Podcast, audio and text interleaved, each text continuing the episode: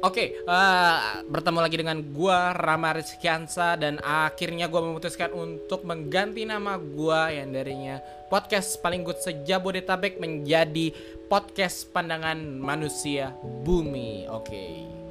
Eh, kenapa sih gua mengganti nama dari podcast paling good sejabodetabek menjadi podcast pandangan manusia bumi dan gue tahu lo pada nggak peduli lah dengan apa yang udah gue nggak dengan apa yang gue bikin Uh, but anyway, gue hanya mencoba untuk agar podcast gue ini bisa ada di pencarian-pencarian manusia-manusia yang ada di muka bumi ini khususnya yang masih ada di Indonesia karena mungkin nama menentukan apakah podcast itu bisa gampang dicari atau enggak gitu. Kalau menurut gue kemarin tuh susah banget untuk mengerti untuk dicari sebenarnya podcast gue itu adanya di mana gitu. Kalau misalkan dianalogiin sama deep web, podcast gue itu eh sama internet, podcast gue itu udah masuk ke dalam deep web gitu. Jadi uh, Google atasnya, Google atasnya itu kan misalkan podcast podcast yang udah udah terkenal gitu. Nah, gue paling bawah nih, gue paling bawah nggak nggak kelihatan gue, makanya gue memutuskan untuk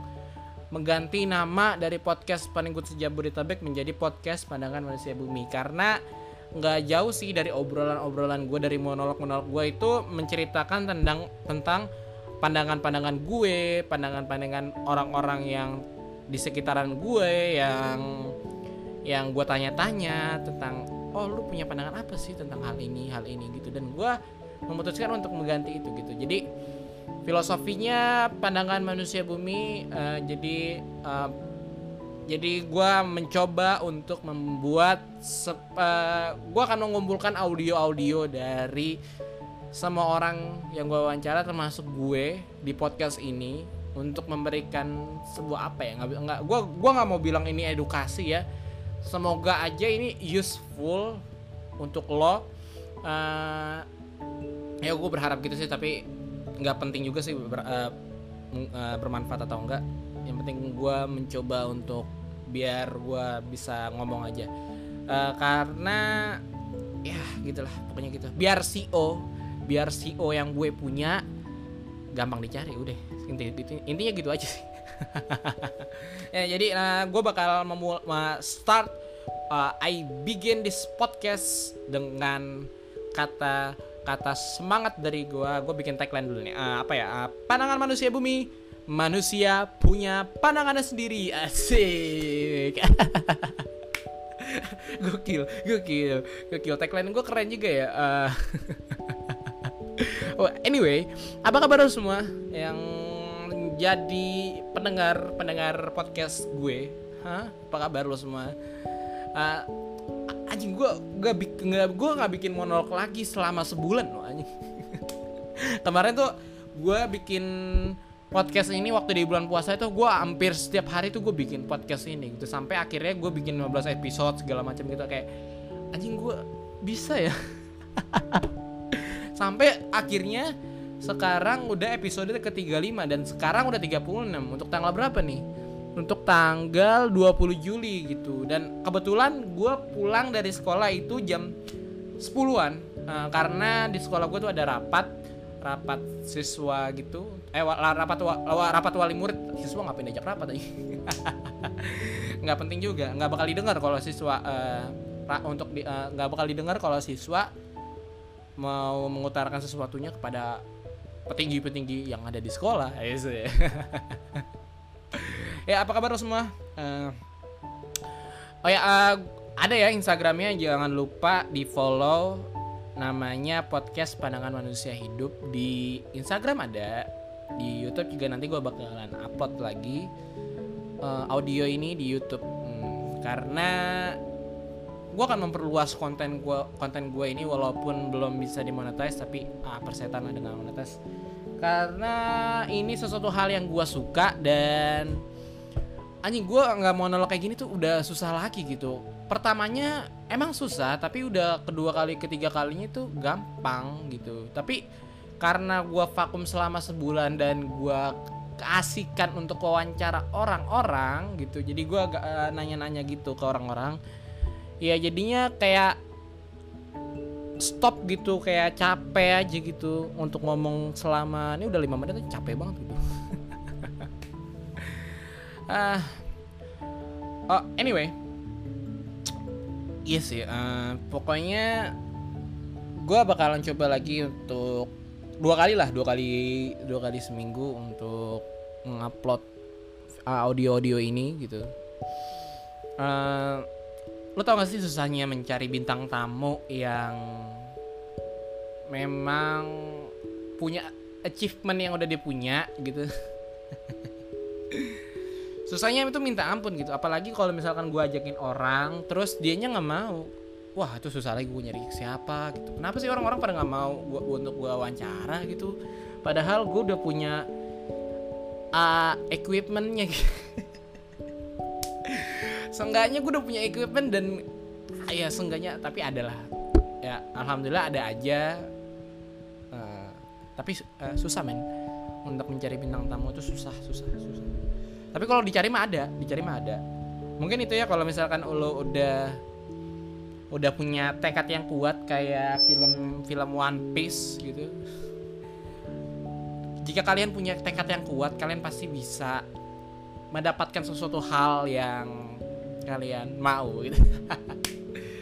Nah anyway uh, Hanya saja gue capek banget nih pulang sekolah. Um, mulai sekolah hal yang baru dengan ya ini tahun terakhir gue anjing gue tahun depan udah lulus loh. Ini saksi sejarah saksi sejarah pada tanggal 20 Juli ini bakalan ada terus di internet nggak bakal kehapus gitu. Kecuali gue hapus. Yeah. bahwa seorang anak SMA bikin podcast nggak tahu apa yang harus diomongin gitu. Bisa sampai episode ke 36 bahkan gue udah nargetin podcast gue bakal bisa sampai episode ke 100 Wih gokil. Oh Anyway gue ngurusin anak-anak baru. Uh, Apa sih namanya? Kalau dulunya namanya MOS ya. Masa orient orientasi siswa. Ya gue ngurusin gue jadi osis dan gue ngurusin anak-anak baru gitu dan ngurusin acaranya dari ya dari awal. Dari sebelum ada acara kita udah menyusun sesuatu itu dengan bisa dibilang rapi bisa dibilang rapi. Bisa dibilang acak-acakan juga. Karena ternyata nggak gampang. Nggak gampang ngurusin anak-anak baru. Nggak gampang ngurusin uh, sesuatu hal yang emang lu belum pernah ngelakuin hal itu gitu. Tapi gue sih orangnya slow-slow aja. Jadi kayak karena gue orangnya bodoh amat sih gue orangnya bodoh amat dan ya easy gue easy gue aja. Lo mau nurut syukur nggak mau nurut ya udah. Karena gue orangnya nggak mau kayak kakak kelas kakak kelas gue yang udah dulu pernah yang gue lihat kayak ada yang namanya bullying gitu-gitu. Gue nggak mau lah. Harus ada renewal terhadap kultur seorang senior. Gue rasa sih senioritas nggak usah ada lagi sih tapi perlu gitu. Soalnya anak-anak sekarang tuh kayak ya nggak bisa membedakan antara main dengan yang tuaan atau tapi kalau misalkan udah masuk ke dunia kerja beda lagi sih namanya. Ya tapi gitulah. Ya orang yang tua yang tua lah masih harus punya di dispekin gitu bahasanya ya susah gitu dan gue memulai menjadi anak osis tuh kenapa ya? Gue juga nggak tahu nih tiba-tiba gue dimasukin aja gitu di deretan anak-anak osis gue gue juga nggak tahu. Sampai akhirnya gue bikin program yang namanya program conversation di sekolah gue gitu. Dan gue harus mengurus itu dan selama setahun dan gue honestly harus belajar belajar untuk memberikan materi kepada ya anak-anak itu gitu. Maksudnya jadi gue punya beban sendiri gue punya responsibility asik. Lo tau gak sih responsibility itu apa? Responsibility itu uh, sebuah tanggung jawab. Iya jadi kalau misalkan lu jadi anak osis gitu ya. Maksud gue lu pasti bakalan ngerasa lu punya tanggung jawab. Pasti pasti pasti pasti. Yang kalau misalkan lu lepas lu ngepasnya bakal enak. Gue ngerasa kayak gitu gitu. Maksud gue ya gue emang orangnya bodoh amat ya. Tapi sisi lain gue juga punya sisi tanggung jawab yang ini. Gue nggak mau itu tapi ya ya harus gue jalanin sih. Jadi gue kayak harus belajar sendiri tentang ya misalkan kalau ya grammar grammar aw, grammar awal lah tentang ya kaidah dalam bahasa Inggris. Dan gue harus menelaah itu sendiri. Terus gue ajarkan lagi di depan anak-anak itu. Dan gue harus mencoba sesuatu metode yang beda dari guru-guru gitu. Soalnya ya kalau nggak kayak gitu nggak bakal mau gitu kalau diajarin sama gue jadi gue mencoba untuk membuat hal yang baru gitu. Karena ternyata mengurusi anak-anak orang itu susah. Apalagi yang seumuran 2 tahun setahun anjing kayak gue nggak ngerasa pinter sih gue nggak ngerasa pinter.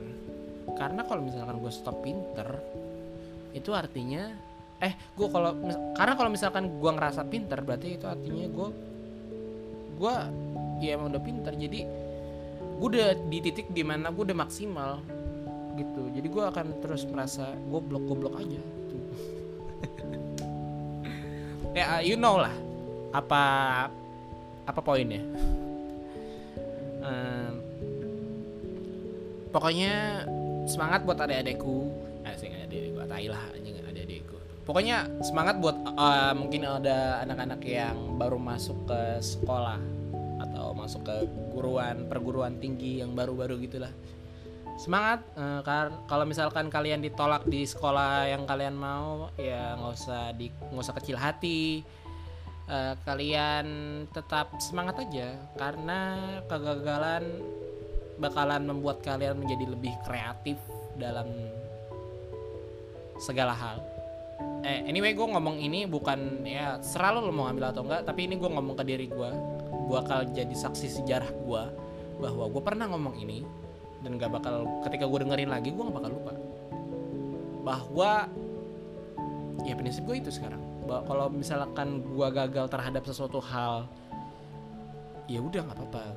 Dan dan itu susah dihilangkan. Jadi kalau misalkan kalian dicari sekolah lagi lah eh sekolah tuh banyak loh. Nggak usah nggak usah mengharapkan sesuatu. Sebenarnya ini anjing sekolah favorit PTN favorit. Karena sekolah nggak menjamin lo sukses juga sih. Tergantung lo. Lo sekolah di tempat yang bagus dengan fasilitas yang bagus tapi kalau kalau nggak punya kemauan sama aja lah. Nggak ada hasilnya. Jadi kemauan tuh penting sih anjing. Um, ya ini kan podcastnya namanya pandangan manusia bumi gitu. Jadi gue sebagai manusia yang bumi gue akan memberikan pandangan gue ke lo. Jadi jangan menganggap ini apaan sih nih? Podcast ya biarin aja punya gue lo mau dengerin syukur nggak mau dengerin ya udah. Um, uh, sekarang gue ya gue bisa dibilang gue udah punya cewek lah men. Karena gue tuh pusing gitu kalau misalkan gue jalanin hidup sendiri. Juga kayak bakat kayak bakat banget nggak uh, maksud gue ya gue bakal ngambil contoh dari diri gue bahwa ketika lo udah punya pasangan ya walaupun ya yang lagi pacaran lah. Gue nggak nggak bilang bahwa pacaran itu bagus sih tapi kalau gue gue jadikan pacaran itu sebagai semangat buat gue aja sih. Biar ya gue semangat biar gue ada ada yang perhatiin. Anjing. Anjing. Nggak gue lah. Maksud gue kayak ya semangat aja lah buat bantu-bantu. Kalau misalkan lo lagi di titik kejenuhan pasti ah, pasti lo bingung kan mau cerita ke siapa ke orang tua kayak gimana gitu. Ya udah jadi gue mau enggak enggak ya ya pokoknya kalau mau pacaran ya yang buat semangat semangatin aja. Nggak nggak usah buat macam-macam aja gitu. Dan gue baru ngerasain bahwa ketika lo udah punya pasangan pasti lo akan menurunkan ego lo untuk untuk pasangan lo sendiri. Kayak kamu kamu nggak pernah ngertiin aku. Gitu. iya aku nggak pernah ngertiin kamu. Maaf ya gitu. Kalau dulu nggak kalau dulu nggak kayak gitu kalau dulu nggak kayak gitu. Kamu nggak pernah ngertiin aku? Ya udah udah amat gitu. Tapi sekarang tuh kayak ego lu tuh, tuh diturun ego lu bakalan lu turunin sendiri gitu. Tanpa lu sadari.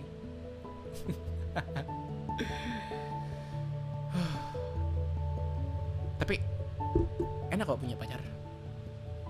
Anjing enak kalau punya pacar. Ya uh, ya enaknya gitu. Bisa bisa diajarin tentang segala sesuatu melengkapi lah. Melengkapi apa yang lu kurang dari lo. Misalkan lo bau dan dibilang sama cewek lu oh lu harus wangi ya. Ya udah lu bakalan berubah. Walaupun bukan di, bukan bukan buat diri lu tapi uh, somehow itu untuk diri lu juga. Lu nggak nggak kerasa nggak emang memang nggak kerasa tapi sebenarnya itu buat lu juga gitu. Anjing gue ngomong apa sih? Ngantur gue banget eh, gue mau ngomong tentang gimana sih cara gue buat bikin puisi. Gue gue tuh dulu bikin puisi tuh dari gue masuk pesantren sih. Belum belum belum. Dari MTS dari MTS dari MTS gue gue udah udah suka nulis kata-kata gitu kayak nulis status di Facebook gitu-gitu yang galau-galau. Dan lo sadar gak sih kalau orang tuh bisa nulis kata-kata karena dia itu punya hal yang itu artinya adalah kesakitan buat dia. Kayak lo lagi dipatahin hatinya. Lo pasti bakalan lo pasti bakalan akan bikin quotes atau lo pasti akan curhat lah di dunia maya lo bahwa oh, cinta membuatku mati. Iya gak sih? Iya gak sih? Iya gak sih? Jadi itu men. Jadi kalau misalkan lo mau buat puisi yang dari hati banget lo lu lu cobain dulu deh buat sakit hati. Lu siap gak kalau misalkan lu disakitin tapi uh, gue jamin gak bakal ada orang yang mau disakitin hati untuk sebuah monetize. Aduh. Eh anyway gue tuh bikin cover lagu loh. Lu pada dengerin apa di YouTube? Gue tuh bikin cover lagu di YouTube sama Zidan. Karena gue nggak bisa namanya bikin bukan bikin main gitar. Gue nggak bisa main gitar. Gue ada gitar di rumah tapi ya karena tangan gue bukan tangan tangan magic gitu. Dan karena kemauan belajar gue untuk main gitar juga sangat minim tapi gue mau tapi gue mau. Gue udah belajar tapi emang suka lupa. Mungkin itu ya karena gue dulu waktu SMP kode Morse nggak kode Morse tuh gua gua nggak apal mungkin karena itu kali ya. Jadi gua tangan gua gua otak gua nggak bisa mengingat hal-hal yang simbol-simbol kayak gitu bisa gua bisa bisa. Tapi nggak nggak terlalu ya emang harus diasah sih diasah. Sebenarnya bisa. Semua pengetahuan bisa diasah. Tergantung lo mau apa enggak untuk ngelakuin hal itu. Dan bernyanyi itu sulit anjing ternyata. Ada banyak tekniknya dan satu hal. Kalau kalian nggak bisa nyanyi ya paling nggak kalian mencintai suara suara kalian.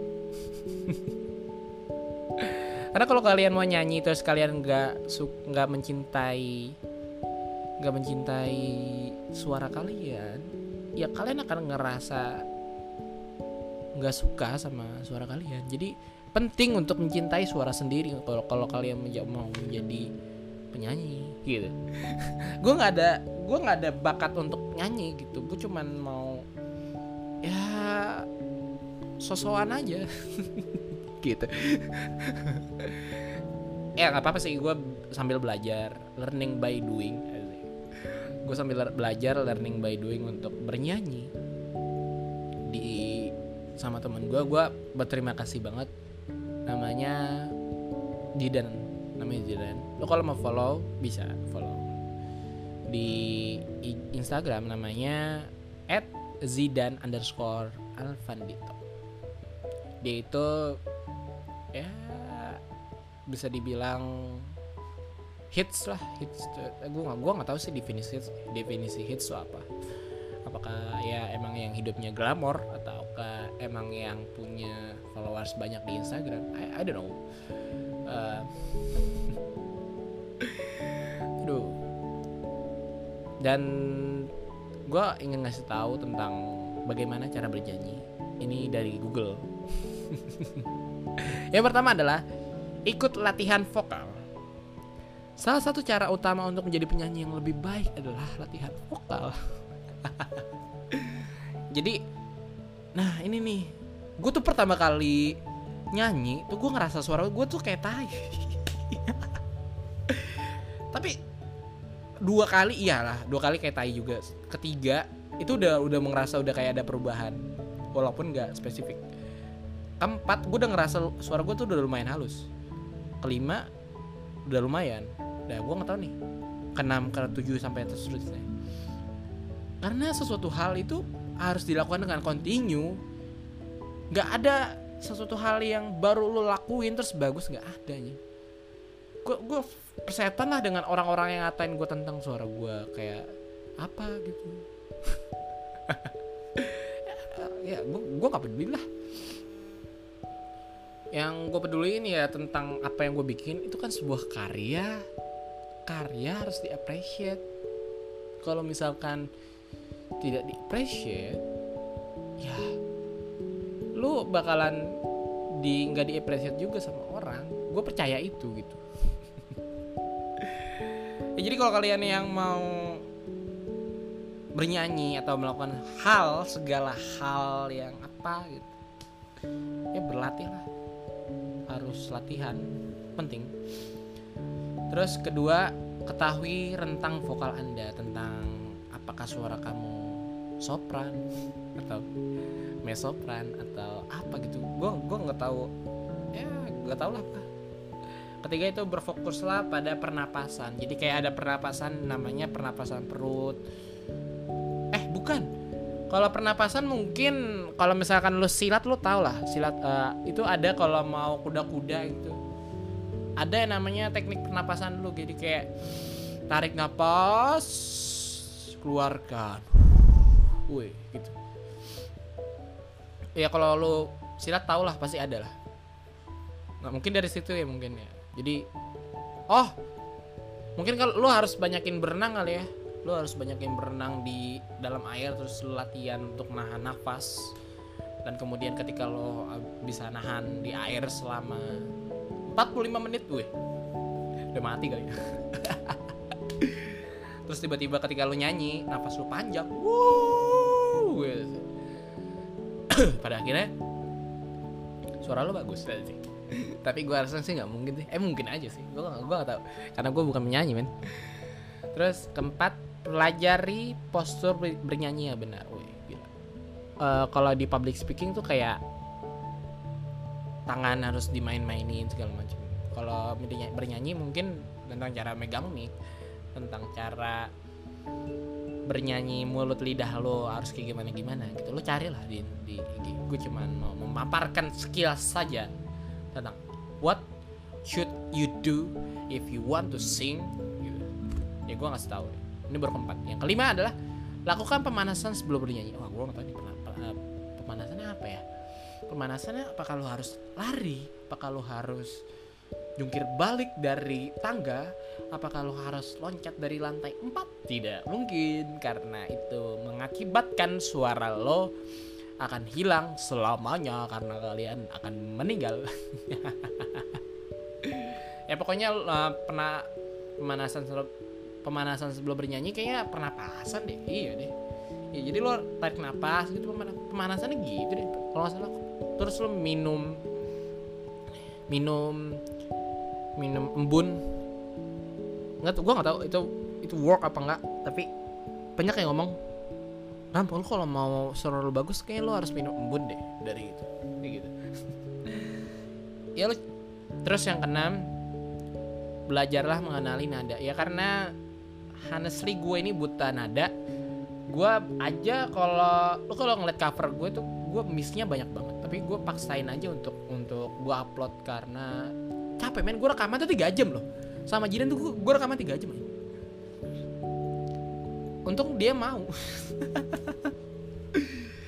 Kalau nggak mau gue apa? Gue gue nggak bisa nyanyi. Gue nggak bisa ngapa beruntung aja gue punya teman kayak dia. Sahabat lah sahabat. Kayak do re mi fa sol la si do. Batuk kayak gini ya gitu. Jadi lu harus bisa do re mi fa sol la si si si do. Jadi kayak ya lu kenal nada gitu. Jadi kalau misalkan lu nggak tahu apa itu do re mi fa sol la si do ya susah. Jadi lu harus tahu tentang itu do do itu seperti apa do re itu kayak gimana. Ya lu belajar lah sama penyanyi. Gue nggak nyanyi. Gue bukan penyanyi yang bisa on the spot itu. Gue cuman bisa di balik panggung aja. Tapi someday mungkin akan terwujud aja ya. Berhayal dulu men. Berhayal dulu karena kalau berhayal kadang-kadang cita-cita kita akan datang dengan sendiri. Ya nah ini yang terakhir nih. Berartilah setiap hari. Oh ini jatuhnya yang pertama. Berlatihlah setiap hari. Emang konsistensi itu ya kayak gue bilang lah akan membuahkan hasil. Gak mungkin setiap ketika lu udah tekun dengan sesu, sesuatu hal dan ya lu bisa ngelakuin hal itu dengan kesenangan terhadap diri lo I think you you the winner for everything asik ya lu pemenangnya kalau misalkan lu melakukan hal itu terus-terusan ya lu akan menjadi pemenang hal itu. Beda dengan lomba eh iyalah. Sama. Konsep lomba juga sama. Misalkan lomba deadline-nya tiga bulan ke depan. Lu tiga bulan ke depan itu apakah lu konsisten untuk misalkan lomba pidato lomba pidato apakah lu konsisten untuk menulis sebuah naskah pertama dan lu hafalkan secara terus-terusan selama tiga bulan itu?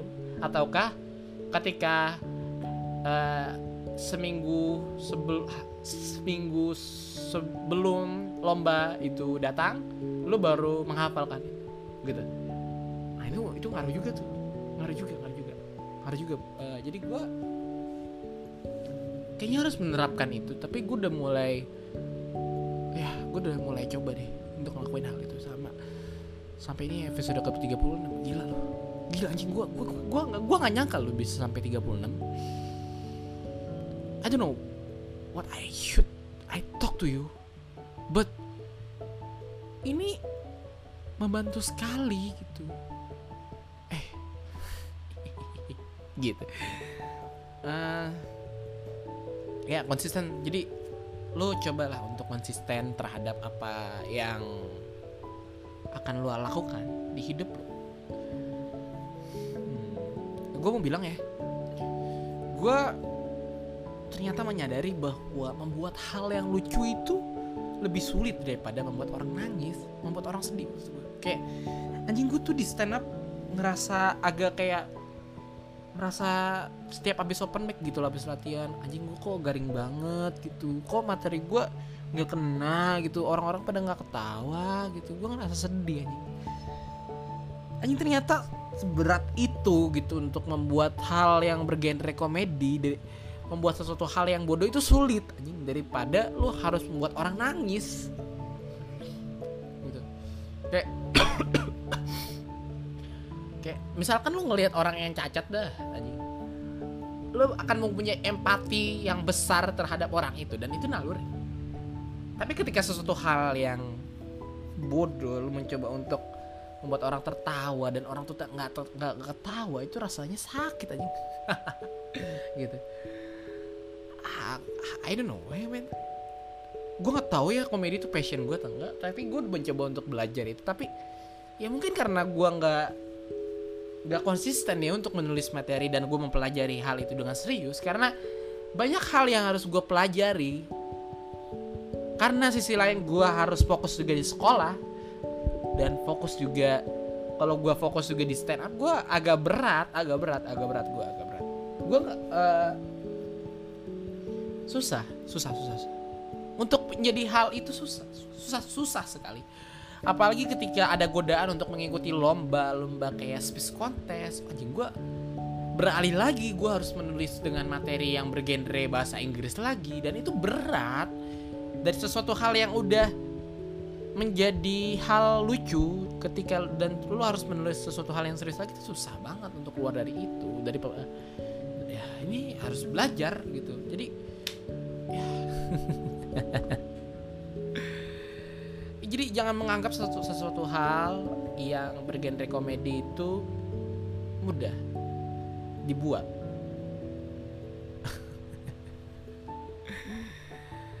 aduh, aduh, aduh, aduh, aduh, aduh. Ada, ada, ah, oke kita nanyain, eh kita menjawab pertanyaan dari teman gua. Ada nih namanya Intan, Makasih ya udah nanya. Uh, ada di, dia nanya, uh, peduli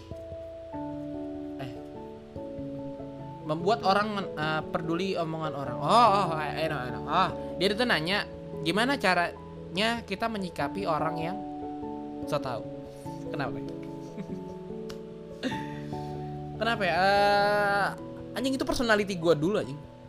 Uh, gue menyadari bahwa orang yang so tahu pasti bakalan disebelin sama orangnya. Jadi lu tenang aja kalau misalkan lo sebel sama dia, udah lah, lu gak usah tanggupin aja. Nggak usah nggak usah lu ambil pusing lu diemin aja. Nanti gue itu orang bakal diem sendiri. Karena orang yang so tau tuh tuh sebenarnya nggak tahu lu nggak nggak nggak lebih tahu dari orang yang lu kasih tahu aja. Iya anjing karena ya lu kok anjing itu personality gue dulu. Dan gue ngerasa hal itu gitu. ya ya udahlah.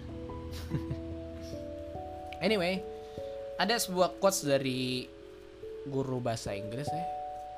Dia bilang bahwa gak usah peduli sama omongan orang lain tapi pedulilah dengan apa yang lo lakukan walaupun orang-orang tidak suka. Asik. Uh, sebenarnya itu udah gue udah, udah gue mulai terapin ya.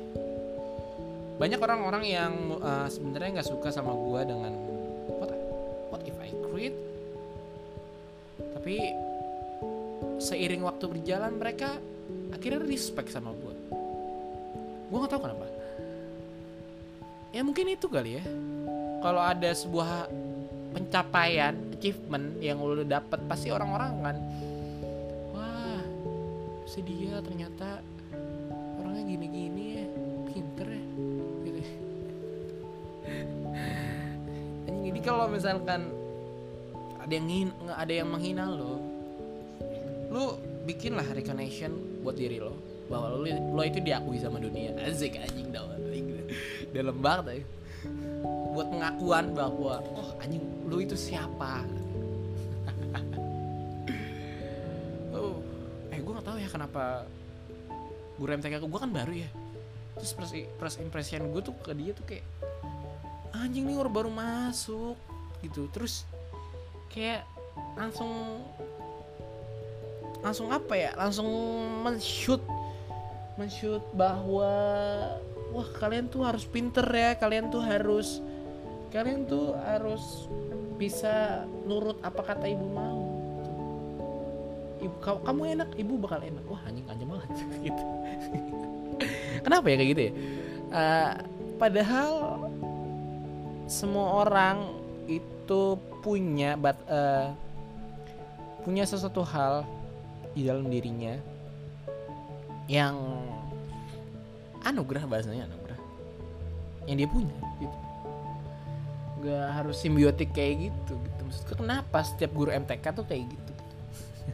nggak nggak gue nggak nggak bilang semua guru MTK eh, mungkin kebetulan dia memang orangnya serius ya dari dulu jadi kayak uh, paradigmanya dia sama paradigma anak-anak murid yang masih SMA gitu.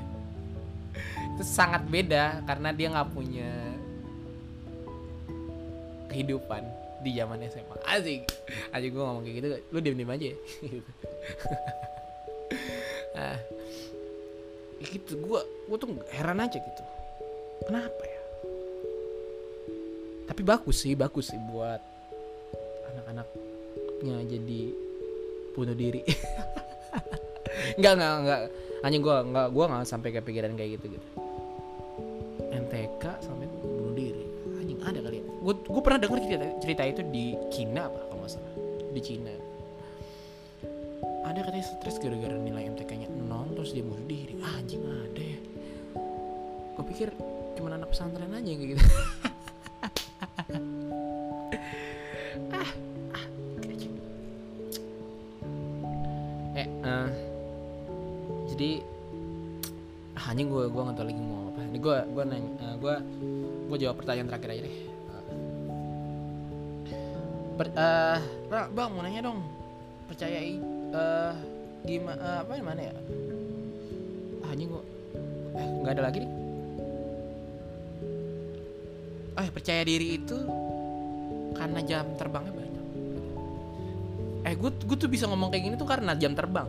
Karena gue yakin sama diri gue bahwa orang-orang tuh belum pernah kayak gini. Dan ya gue jadi merasa confident. Udah biasa aja. Gue tuh orangnya suka nampil. Gue tuh orangnya suka ngomong di depan. Gue tuh orangnya suka banget di depan ngomong sendiri jadi pembicara gitu gitu gue gue tuh suka banget kayak gitu. Dan orang tuh banyak yang nanya lo kenapa sih bisa pede kayak gitu? Gitu. Lu itu kenapa sih? Urat malu tuh udah putus. Kenapa sih jawabannya ya karena gue dari dulu udah udah udah dari SMP sih awal mulai dari SMP udah punya achievement yang gue punya banggain terhadap diri gue sendiri dan gue tuh kayak kayak apa ya kayak merasa tinggi anjing. Ya dan gue itu harus kurangi ya. Iya dulu gue dulu gue ngerasa kayak gitu gitu. Gue ngerasa tinggi daripada orang-orang dan gue mencoba untuk anjing gue dulu SMP udah mulai udah sosokan ngajar lo anak anak kelas 7 aja ngapain ya? Gue dulu gue gue dulu ngapain aja di videoin lagi. Ada teman gue namanya Rapli eh, eh iya Rapli yang yang videoin anjing. Ngapain gue dulu? Ngajarin anak bocah bahasa Arab lagi lo bisa apa? Juri mia aja belum hatam. Aja ngajar ngajar eh, karena dulu gue tuh pernah pernah menang bahasa Arab dalam satu sekolah tuh bilang gue tuh pinter. Padahal enggak anjing. Gue tuh cuman beruntung aja bisa ngapalin teks itu gitu. Dengan emosional yang menggebu-gebu lah bahasa-bahasanya daripada orang-orang lain. Dan gue sadar gue menang karena itu aja. Dan ketika gue masuk ke perlombaan jenjang SMA itu sangat berat sekali. Bahkan gue nggak pernah menang. Cuman di sekolah gue di cuman di sekolah doang gue menang untuk uh, bicara kayak gitu. Karena ya levelnya beda levelnya beda yang gue ikuti tuh levelnya Jabodetabek nasional. Anjing itu orang-orang tuh ternyata orang-orang tuh banyak yang bukan yang kayak gue cuman karena gue nggak pernah ngeliat aja dan gue ngeliat tuh ketika gue udah mulai lomba gitu. ada yang yang punya sertifikat sampai 11 anjing gue cuman 5 bukannya sombong atau apa tapi pepatah bilang bahwa di atas langit itu masih ada langit itu benar benar benar, benar. jadi lu nggak nggak usah sombongin apa yang udah lu pernah ngapa-ngapain lu ngapain? Gue usah sombong aja iya bener, bener. gue ngerasain hal itu. Aduh ya udah kali ya. Eh makasih ya udah dengerin podcast dari gue semoga nggak nggak nggak tahu sih. Gue kalau 20 menit lagi gue terusin gue capek gitu. Dua dua minggu dua minggu eh dua kali seminggu dua kali seminggu gue bakal bikin podcast ini. Oke terima kasih ya. Uh, bye. Terima kasih semua. Gue nggak bakal bilang mutai lah. Bye. Thank you